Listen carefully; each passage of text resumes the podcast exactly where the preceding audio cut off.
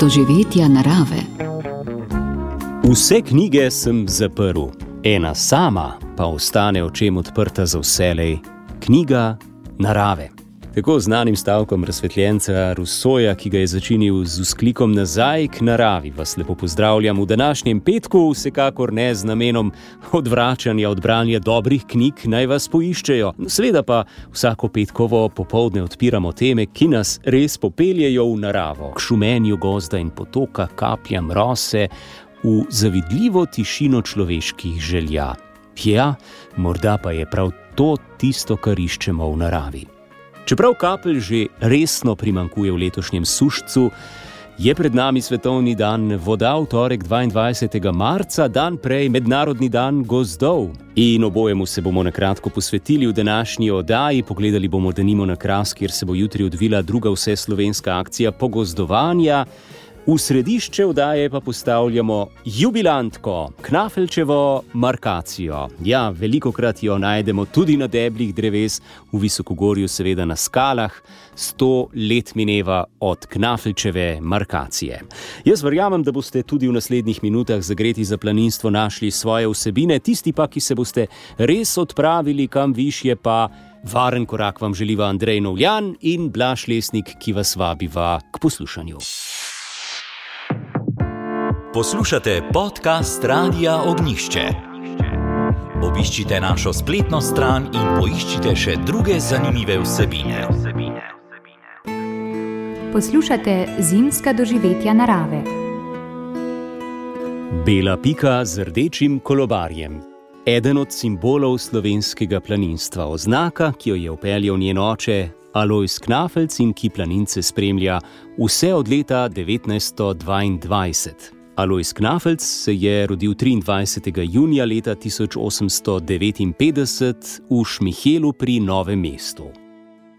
Aloizija bi lahko opisali kot slovenskega pomembnega kartografa, pomembnega planinca oziroma člana slovenskega planinskega društva, predvsem pa kot iznajditelja slovenske planinske markacije. To je tudi tema, o kateri danes govorimo, in to je v bistvu na nek način njegova najbolj pomembna uh, točka za zgodovino. Tako zgodovinar dr. Peter Mikša. Aluzi Knafelc je takoj ob ustanovitvi slovenskega planinskega društva pristopil kot član. Služboval je takrat v Beljaku na Koroškem pri direkciji državnih železnic. Vsak prosti čas je porabil, da je obiskoval Julijske Alpe. Tako se je seznanil s potmi severnega dela teh Alp. Ko pa je bil leta 1906 premeščen v Trst, je od južne strani obiskoval te Alpe. Dobil je povabilo od slovenskega planinskega društva naj nariše turistični zemljevid Julijskih Alp. Prav rad se je odzval temu povabilu, saj jih je od vseh strani dobro prepoznal, tako da mu je bilo to delo le v zabavo.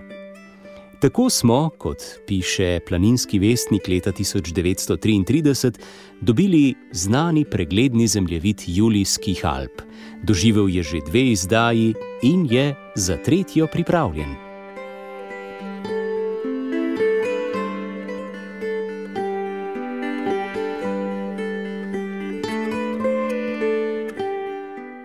Prav tako je Knafelca, bivša tržaška podružnica slovenskega planinskega društva, prosila, da bi narisal slovenski zemljevid Trst in okolica. Tudi tu se je odzval. Narisal je tudi zemljevid Gorica in okolica, ki pa ni izšel zaradi vojne. Aljažev stolp na vrhu Triglava je potem, ko je postal načelnik markacijskega odseka slovenskega planinskega društva, kar trikrat na belo prepleskal a je, kot piše planinski vestnik, obupal, ker so mu ga vedno znova počečkali. Alojzi Knafelc je v bistvu ključen za današnjo podobo planinskih poti v gorah. Torej, današnja markacija, kot jo poznamo, torej rdeč krog z belo piko, je v bistvu njegovo delo, je pa seveda svojemu času primerno, torej, eh, zakaj je nastalo in tako naprej. Treba je pogledati v preteklost. Eh, prvo omembo, lahko rečemo, že na, neki, na nek način označb uh, planinskih poti ali pa poti v gorah, uh, najdemo že v, bistvu v zapisu ob prvem sponu na Triglav leta 1778, ko štirje srčni možje uh, markirajo pot, po kateri so prišli na vrh z možici. Ne. Torej, možici so na nek način osnova, s katerimi so včasih markirali poti. Potem, ko se razvija gorski turizem v drugi polovici 19. stoletja, ko se gradijo koče, najprej, seveda, predvsem nemške koče, eh, do katerih vodijo eh, poti, je te poti potrebno tudi malo bolj konkretno markirati. Zato se pač poti markirajo z barvami, z različnimi barvami in z različnimi eh, znaki. Slovensko planinsko društvo po ustanovitvi in seveda potem, ko začne graditi tudi svoje koče in do njih spelje svoje planinske poti, se odloči, da bo poskušala na nek način poenotiti uh, to markiranje, čeprav je seveda to uspele v grobem. Še vedno so barve zelo različne za markiranje, tudi znaki so še vedno zelo različni. Na nek način pa v planinskem vestniku 1895. leta napiše že neke navodila, predvsem na kakšnih mestih naj bi se markacije postavljale. Vsa ta lahko rečemo, zmeda v gorah, kar se tiče eh, poti, eh, markiranja poti, eh, zmoti Alojza Knafelca do te mere, da se odloči, da ko postane, ne, ključno je to, da je postal načelnik. Markacijskega odseka slovenskega planinskega društva se angažira, da bo napisal uh, neka navodila, ki jih na to, seveda, objavi in tam točno določi, kje naj se markacije postavljajo, in predvsem, da bodo čim bolj vidne, kakšne naj bojo. Torej, kakšna naj bo nova markacija, ne? rdeči krok z belo piko. Ki naj bi bil velik od um, 8, mislim, do 10 cm, in v prečnem prerezu naj bi bilo razmerje med rdečim in belo piko v 1 proti dve. Pomembno je, da pač je Knafelc konstruiral, lahko rečemo, um, oziroma narisal takšno markacijo, ki je resnično v gorskem svetu zelo vidna in kot taka se je izkazala za zelo praktično. Poslušate zimska doživetja narave. Danes se v doživetjih narave posvečamo planinski zgodovini. Po prvi svetovni vojni so v slovenskem planinskem društvu začeli razmišljati o drugačnem enotnem načinu označevanja planinskih poti. In tako je turistovski klub Skala konec leta 1921 pripravil tečaj za markiranje. Vodil ga je kartograf in planinec Alois Knafelc ki je navodila za markiranje potov objavil v julijski številki planinskega vestnika leta 1922.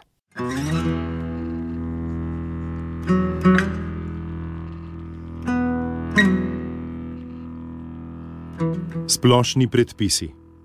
Markacija daje turistu sigurnost, da bo po izbrani poti dospel na gotov cilj. Vsak znak ga utrjuje v zavesti, da je na pravi poti.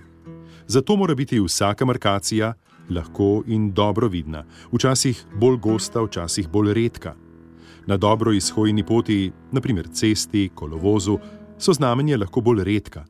Tu so markacije le pomirovalne. Izdatno je treba markirati pri vsakem razpotju, tam je treba na pravi poti naslikati najmanj tri znake, tako da se iz razpotja nedvomno vidijo. Znaki so najbolje okrogli, njih velikost se ravna po razdalji. Če je razdalje le 10 do 20 korakov, so lahko mali, nekako dva prsta v premeru. Nadaljavo 50 korakov, tri prste, na 100 korakov, štirje prsti v premeru. Na velike distance, 200, 300, 500 ali več korakov ali metrov, nujno priporočam pri ugodni situaciji znake tako velike kot klobuk. V strminah in na sedlih, kjer je več zares, naj se naredi še posebno veliko znamenje, tako da turist že oddaleč vidi, kje bo zlezel čez ali kje je vstop v strmo goro ali steno. V teh slučajih naj se ne štedi z barvo. Vmes so lahko znamenja prav mala, ker turist ima že gotovo smer, kamor mora priti. Velika znamenja na velike distance, to je zelo važna markacija.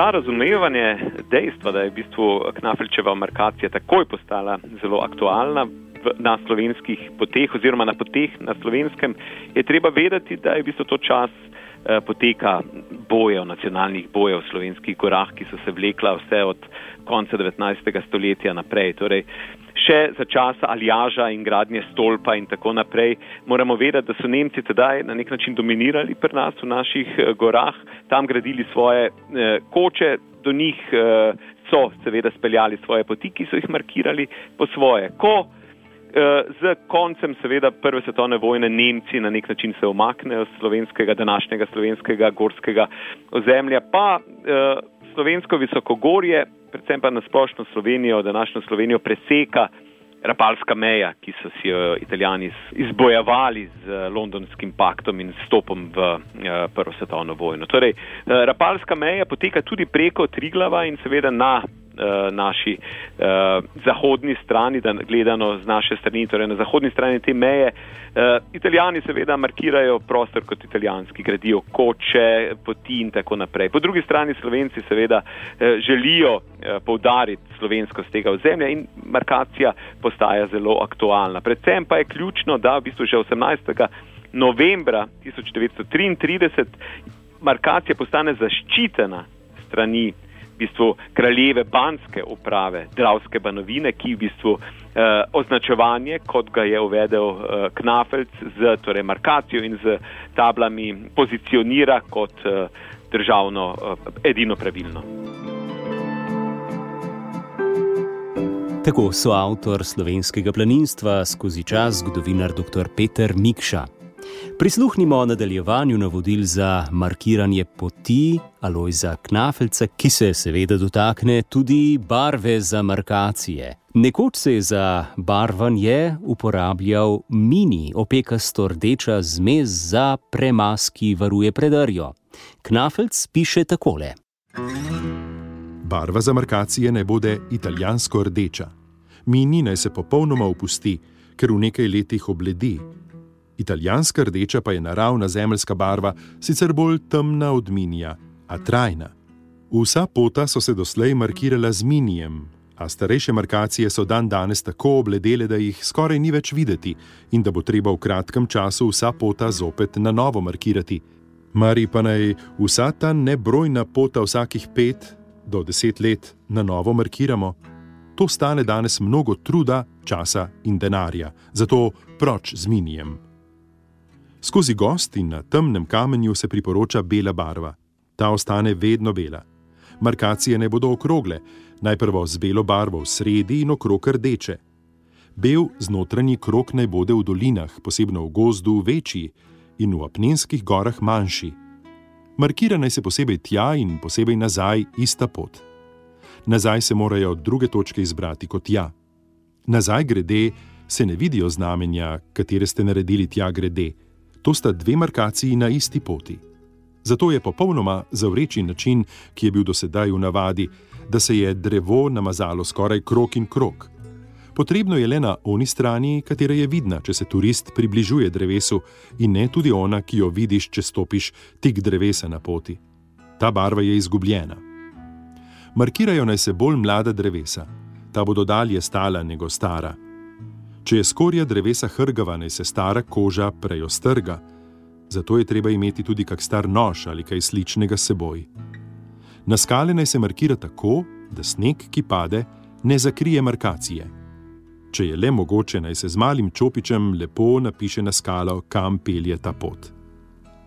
Barva bodi gosto tekoča, kot med. Čopič bodi majhen, ne širši, kot je kazalec na roki. Barve se vzame le toliko na čopič, da se ne cedi od njega, v sredi se naj začne in razmaže proti unanji strani z belo barvo. Zatem se zunanji krok z rudečo naredi. Potrebna sta torej dva čopiča, manjši za belo in večji za rdečo barvo. Prav tako dve posodici, ena za belo in ena za rdečo, iz kovine, da se ne ubije, naprimer konzervna škatlica v velikosti navadnega kozarca. Ta posodica naj ima tudi držaji žice, tako da se ne giblje trdo navzgor, da se obe posodici v eni roki nosita. V nahrbtniku imej še barve v prašku in malo steklenico, od pol litra vsebine firneža. Po končanem delu naj se na ostalo barvo doma vode nalije, da se barva ne usuši. Tudi čopič pod vodo pusti ali pa ga z milom in vodo umi, kar je še boljše. Kdor hoče kako novo pot markirati, jo mora kaj pa da tudi dobro poznati. Rekli bi precej samoumevno, ali pa tudi ne. Tako drugi del navodil za markiranje poti Alojzija Knafelca, ki jih spoznavamo danes v doživetih narave ob stoletnici Knafelčeve markacije. Alojz Knafelc je, kot je zapisal dr. Josip Tominšek, ostal do zadnjega nasplošno neizpremenjen. Majhne, krepke, prožne postave, temne polti črnih oči, ki so se, kako rustne, vedno nekako pritajeno smehljale. V značaju trajno sebi zvest, posebljena marljivost, praktična delavnost, bistra razsodnost v realnih stvarih, odpornost proti nejasnim zasnovam, načelna točnost, naravna poštenost, uvidevna dobrotljivost. Take lastnosti so ga iz neznatnih začetkov dvignile do zelo uglednega položaja. Bil je izrazit samotvorec svojih uspehov. Je dr. Tominšek zapisal v Planinskem vestniku leta 1937 o značaju očeta naše markacije. O njenem pomenu govorimo danes. Od leta 2007 je markacija zaščitena z zakonom o planinskih poteh, s pomočjo katerega so planinske poti postale del javne infrastrukture. Naš gost pa je zgodovinar dr. Peter Mikša. Zimska doživetja narave. Če greva še k današnjemu času, zgodovina je vedno en most do današnjih dni, kako danes odmeva v svetu planinstva ta naša edinstvena markacija. Vemo, da marsikje, tudi v naši neposrednji soseščini, poti niso tako dobro označene. Marsikateri tuji planinec nam eh, pove, da imamo res vzorno označene poti. Kakšen je pomen Knafelčeve markacije danes? Današnje eh, videnje slovenskega gorskega sveta s tem, ko se resnično lahko povdari, da je naša gorska infrastruktura zelo razvita, je ravno torej, da imamo obilo koč in obilo poti, ki vodijo ne samo v bistvu visokogorju, ampak sredogorju. Torej, v bistvu, da, je, da, da so poti izpeljane po celem slovenskem ozemlju, je v bistvu razlog ravno v tem, eh, kar sem že povdaril, tega nacionalnega boja, ko so Slovenci hoteli povdariti in namenoma gradili slovenske poti napram nemškim ali italijanskim. Ne? Ko je bilo vsega tega boja konec, ko je to ozemlje postalo slovensko, je, je ostala odlična infrastruktura in Slovenci smo lahko gradili eh, množično planinstvo ne? in v bistvu tudi identiteto planinsko, kot jo imamo eh, danes. Tako imamo danes eh, resnično lepo, vzorno, narejeno mrežo planinskih poti, zato so ključni markacisti in Planinska zveza Slovenije. Jaz mislim, da so prav markacisti tisti, ki so, lahko rečemo, v celi eni zgodbi slovenskega planinstva najbolj spregledani, so pa ključni za to, ne, ker skrbijo za poti, uh, ker jih varujejo, ker jih označujejo in tako uh, naprej. Po drugi strani, pa je ta naša eh, slovenska zgodba s Knafelčevo markacijo v bistvu postala tudi mednarodna z razpadom uh, Jugoslavije oziroma z osamosvojitvijo uh, Slovenije, ne, ker pač je na nek način način označevanja, ki smo ga imeli Slovenci in ga prenesli na naše uh, južnoslovanske brate, ostal kot takšen tudi ne, in danes lahko srečamo ta način označevanja na Hrvaškem, Srbiji, Bosni, Črnigori in tako naprej. In se posod počutimo uh, domače. Domače in varno bi lahko rekli. Po zaslugi Alojza Knafelca, ki je v tretjem delu navodil za markiranje poti pozornost posvetil tudi napisnim tablam. Te naj ne bodo prevelike. Navadno zadostujejo 35 cm dolge in 20 cm široke so pa tudi lahko še manjše, da se na nje le cilj zadostno in razločno napiše. Ko vidi pasant tablico, gre na razdaljo par korakov k njej in jo čita. Čemu torej tiste velike deske? Nekaj takih tablic spraviš v nahrbtnik. Čim večja pa je tabla, tem večjo moč ima vihar do nje, tem lažje jo podre. Deska bodi iz mehkega lesa in ne predebela. Zadaj imej dve zagvozdi vdeleni, vsaka teh zagvozd se samo z enim žebljem na zgornji strani pribije. Zgoraj dobi tablica malo, naprej molečo strešico. Taka tablica se samo enkrat z olnato barvo namaže, kakor markacije. Za napis bodi bela barva, z lanenim oljem, zmešana s cinkovo belo, v katero se par kapljic sikativa pridene, da se laglje posuši. Napiše naj se samo ime dotične gore. Pod napisom se potegne bela črta, na katero se šele pri postavitvi naslika ostrina puščice, če ni že prej določena lega tablice. Napis je najlepši, ako se nariše s prosto roko v pokončnih črtah z eno potezo. Posebno trajen je ta napis, če se vzame za slikanje črk laneno olje in gosta barva. Poznal sem tako napisno tablo, zna biti že 30 let staro, a črke so bile cele na njej. Ne samo to, les med črkami je bil od sonca in dežja tako izjeden, da so črke že vzbuknjene na njej čepele, a bile so trde kot kamen. Dobro je označiti na deski tudi čas hoje in sicer, kakor ga potrebuje zmeren turist. Če je na primer tura dolga 4 ure, naj se napiše 4 ure in pol. Če traja 7 ur, naj se napiše 8 ur. To pa zato, ker se navadno ne hodi cele 4 ure ali vseh 7 ur kar v eni sapi, ampak se prav gotovo turist za pol ure ali dvakrat za pol ure ustavi in kaj poje. Saj se načelno priporoča, da se turist vsaki dve uri oddahne in kaj malega poje. Spodaj, na desnem robu tablice, bodi znak SPD. Drog, na katerega se tablica pribije, zadostuje 2,5 m nad zemljo in pol metra v zemlji. Če se bodo ti moji nasveti, plot večletnih izkušenj, upoštevali, bomo dosedanja naša pota zopet v red spravili, a nova zgledno zaznamovali. Alojs Knafelc za markacijski odsek SPD.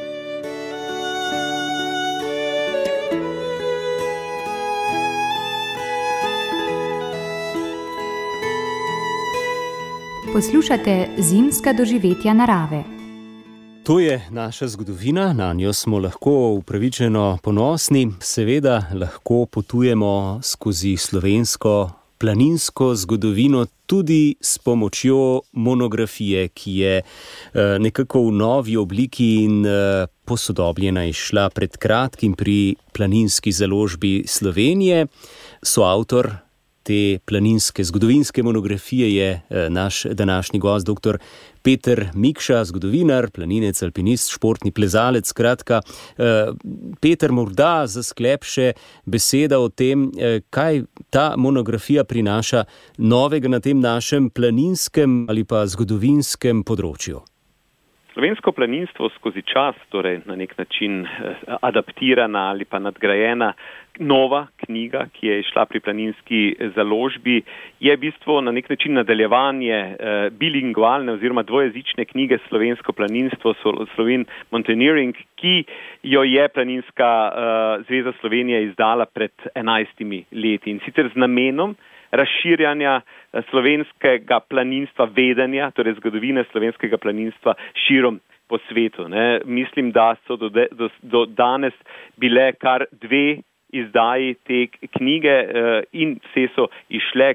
Vem tudi, da uh, obstajajo izvodi v, v planin, muzeju v Katmanduju in še kje druge po svetu. Torej, namen uh, osnovne ideje, torej, da se vedenje o tem, da je planinstvo zelo pomembno na slovenskem in da ima tradicijo, uspelo. Eh, po drugi strani pa je seveda dvojezičnost na nek način vseeno bila eh, moteča za domačega bravca, tako je planinska založba se odločila, da v novi adaptirani izdaji ne bo torej več angliškega jezika in zato smo imeli malo več eh, prostora torej za razne nadgradnje, predstavitev, za več slikovnega gradiva in tako naprej. Tako da, da z današnjega vidika, torej z vidika nove izdaje, nove knjige, torej slovensko planinsko skozi čas, resnično lepo, po eni strani enciklopedično, vizualno, z obilo slikovnega gradiva prinaša ovid dogajanja, torej od v bistvu, odkrivanja gora pa vse do uh, današnjih uh, dni.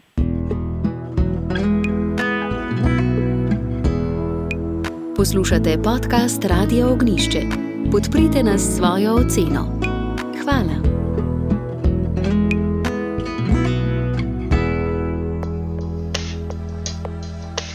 Zimska doživetja narave. V drugem delu današnje oddaje bomo aktualni. Gost in voda, oboje bomo pred svetovnima dnevoma, ki bosta v prihodnjem tednu povezali. Tema letošnjega svetovnega dneva vode so podzemne vode.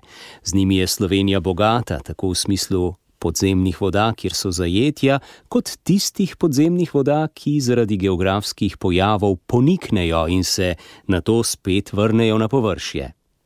Izzivi so povsod enaki. Gre za vode, ki so izjemnega pomena, so izjemno občutljive, tako zaradi svoje vloge, kot zaradi ekosistema, katerega del so. Vode v tem mesecu že močno primankuje, zato jo bodo še kako potrebovali vsi, ki se bodo jutri udeležili druge vse slovenske akcije pogozdovanja na Cerju. Spomnimo, ogromna površina gozda na tem hribu na Goriškem je avgusta leta 2019 pogorela. Moj sogovornik je bil vodja sežanske enote Zavoda za gozdove Slovenije Boštjan Košiček.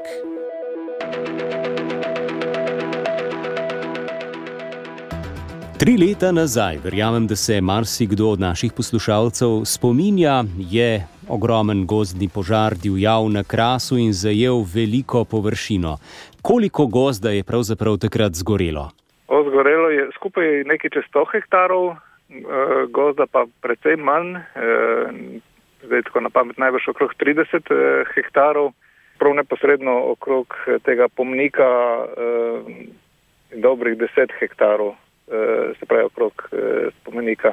Kmalu zatem se je začelo načrtovanje, seveda željo, da se to območje spet zaraste, kakšne so strokovne smernice, kakšne so želje in načrti? Uh, ja, skupaj z Zavodom za turizem in lastnikom zemljišč, uh, to je občina Miren Kostanjevica, kmalo po požaru, mislim, da že je isti ali naslednji dan, smo se dogovorili, da bomo uh, nazaj ozelenili, vrnili naravno rastje na, na to območje okrog pomnika, se pravi, dali vides eh, pomniku in tudi vrnili pač mm, ekosistem kot tak v prvotno stanje čim prej.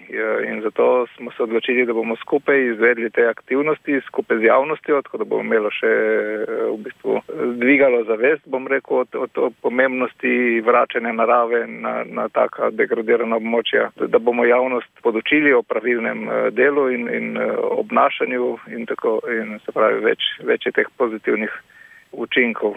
Je pa rastišče tam eh, zelo, eh, zelo kamnito, zelo kraško, v bistvu ekstremno kraško in bo zato eh, težko tudi ekosistem, ki ga hočemo s tem obnoviti, je pač temu primeren. Se pravi, ni neke ekonomske, ampak je čisto logika vračanja, ozelenitve površin, ki so postale gole zaradi človeške neke malomarnosti.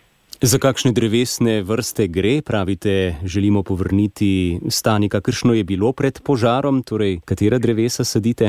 Sadimo drevesa, ki so primerna za take ekstremne razmere, ne, ker vemo, ko, ko pogori, uh, se razmere poslabšajo za, za življenje rastlin. Moram povedati, da je burna uh, zgodovina tega uh, območja. Prvi velik požar, ki je požgal gost, je bil leta 1994.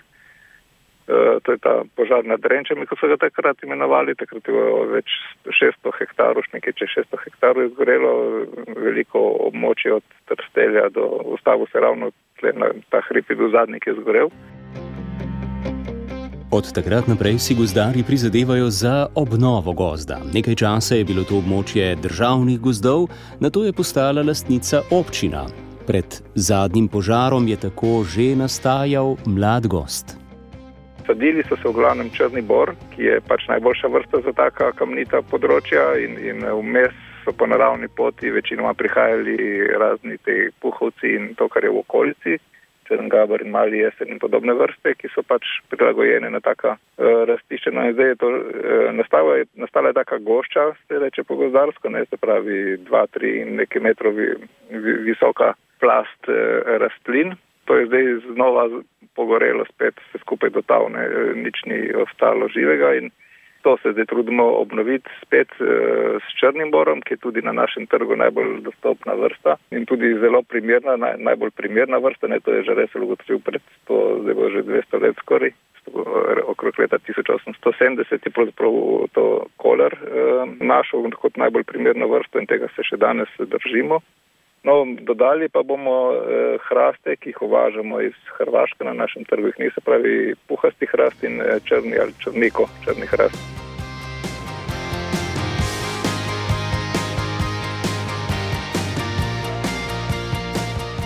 Črni bor, črni hrast, Do sedaj je bilo že tudi v prvem vseslovenskem pogozdovanju posajenih eh, kar nekaj tisoč sadik, ne? koliko ste že posadili? Ja, proti tem prvem smo takrat je bilo nabavljenih 10 tisoč eh, sadik in smo imeli potem celo zimo, 19-20, ne smo eh, izvajali te aktivnosti z, z najprej široko javnostjo, pa s šolami, fakulteto. Veliko akcij smo izvedli no, in smo posadili teh 10 tisoč sadik, eh, večinoma črnega bora, kot že rečeno, ki je na našem trgu najbolj dosegljiva vrsta. No, potem smo začeli kombinirati s temi hrvaškimi hrasti iz Istre in smo te akcije peljali naprej. Tako da zdaj je eh, nekaj čez 5 eh, hektarov je posajenih eh, s temi sadikami, se pravi 11-12 tisoč sadik skupaj je bilo posajenih v različnih akcijah in 5 hektarov je bilo posajanih, tudi najbolj kamnite predeli, kjer, kjer ni zemlje, kjer se ne da usaditi ničesar, ne tam smo sejali, to je ta metoda, ki, ki je na krasu kar pogosto uporabljena na, na podobnih rastiščih, seme črnega bora je, je bilo tam posejano in tam so, so zdaj če so, uh, upajmo, da je kaj vzklilo, uh, so, so take enoletne sejanke, jih je težko videti, ne, ali pa dvoletne. Ampak dejstvo je, da pri takšnih pogozdovanjih kar precej sadik oziroma primerkov ne obstane. Kakšen je delež tistih, ki preživijo? Ja, zelo je odvisno predvsem od prvih teh eh, mesecev ali pa tednov po posadni ne, in nismo imeli preveč sreče res, tako da je bila, če se spomnite, tudi lanska pomlad in predlanska sta bili podobni, se pravi, je bilo sušno obdobje marec, april in potem je hladen maj, tako je bilo neugodno za sadike. No, eh, so predeli, kjer je zelo slab uspeh, ne, ker se moramo truditi, da najdemo kakšne ostanke te sadnje, so tudi predeli, kjer je malo boljše, tako da je težko reči, kak je uspeh. Zdaj smo spet v tem predelu in zdaj, da bo suša še teden, dva eh, po napovedih meteorologov, zato smo ljudem naročili in upam, da bodo prinesli sabo eh, vedra ali pa druge posode, s katerimi se da zalivati in obljubljeno je, da bojo pripeljali vodo na, na, na jutrišnjo akcijo, tako da bo ljudje lahko zalili te sadike, ki jih bodo uh, posadili in tudi tiste, ki so preživele in so še tam, uh, ki, ki rabijo zdaj sigurno tudi uh, vodo. S tem mislimo, da bomo toliko podaljšali. Načeloma se gozdnih sadik pri sadni ne sadi, ne more biti toliko tršate, da preživijo, ampak ko so pogoji pretežki, pač se, so pa pretežki. Ne, je potrebno tudi pomagati si in zaliti. Tako. Poleg krampa tudi vedro vode, zelo pomembno za vse, ki se boste Tako. jutri pridružili. Eh, povabilo bomo še slišali, direktorica turizma Miren Kostanjevica, Arjana Suhadolnik bo zdaj le z nami. Gospod Boštjan Košiček, hvala lepa. Naj se jutri ob eh, lepi sončni soboti odvije to pogozdovanje v dobrem vzdušju. Hvala lepa. Poslušate zimska doživetja narave. V soboto pritakujemo vseh ob 9. uri pred pomnikom miru na Cirju, eh, kjer začnemo s prijazno eh, in tudi sladko dobrodošlico in pozdravom župana. Na to bomo pa pod strokovnim vodstvom Zavoda za gozdove Slovenije prijeli za krampe, lopate, prevzeli sadike in se seveda odpravili na pogorišče. To vabilo je namenjeno prav vsakomur, ki je pripravljen, kot ste rekli, prijeti za delo. Obvezna oprema, kram, rukavice in vedro, to naj bi prinesli prostovoljci s seboj. Ja, tako je, tako je. Mi bomo priskrbeli sadike, dobro voljo, pogostitev ob zaključku. Torej, nekje načrtujemo tri urno sajenje in ob zaključku tudi toplo kosilo. Vabljene, seveda, vabljeni posamezniki, družine, društva, podjetja, različne organizacije. Je pa zaželjeno, da se prijavite in sicer preko info.afna.drevozacirje.si zato da bomo lahko poskrbeli za uh, vso ustrezno logistiko in organizacijo. Posamezniki in družine, uh, verjetno bo potem delo malce prilagojeno, če bodo otroci zraven, ampak vsaka roka, kot razumem, pride prav. Ja, nekaj šteje, mislim, da, je, da veliko šteje tudi dober vzgled. Uh, torej, ta naša pobuda, drevo za Sirije, uh, ima večplastno sporočilo, seveda v prvi meri vračanje življenja na Sirijo, obnova habitata za živalske, rastlinske vrste, ohranjanje avtohtonih sort dreves, uh, ker sicer narava pobegne po svoje, ponavadi na pogoriščih. Uh, po drugi strani tudi um, nekako pomagamo za obnovo pljuč planeta, uh, k zniževanju toplogrednih emisij, zniževanju CO2. -ja. In tudi zato nas redno spremljajo podjetja, sem pa tja uh, Eh, kdo tudi posebej nagradi za naše napore. Mi se pa seveda v tej priložnosti iz srca zahvaljujemo vsem podpornikom in donatorjem, ki redno že dve leti Eh, tudi preko portala trikrat dvojni ve, drevozatirje.si, donirate sredstva za nakup novih sadik. Torej, dela ne bo zmanjkalo v soboto, druga saditev dreves ob eh, Mednarodnem dnevu gozdov, če se bodo poslušalci odzvali in bodo potem po samem eh, delu imeli še dovolj moči, energije, je gotovo to moč združiti tudi s kakšnim. Eh, sprehodom, ogledom, pomnika miru, da nimo pri vas. Prav, seveda, hvala za to uh, popotnico. Pomnik miru bo odprt in seveda brezplačno. Vabljeni na oglede, eh, če bomo imeli čas, izvedemo lahko po malici tudi kak voden ogled. Eh, v neposrednji bližini je tudi jama Pečinka, to je muzej na prostem z ostalinami prve svetovne vojne.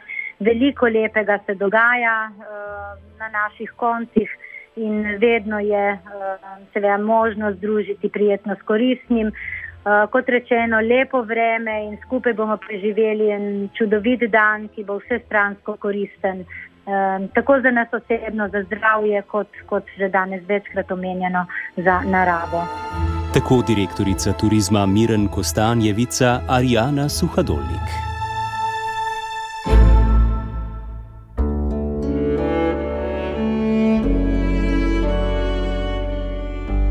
Poslušate podkast Radia Ognišče.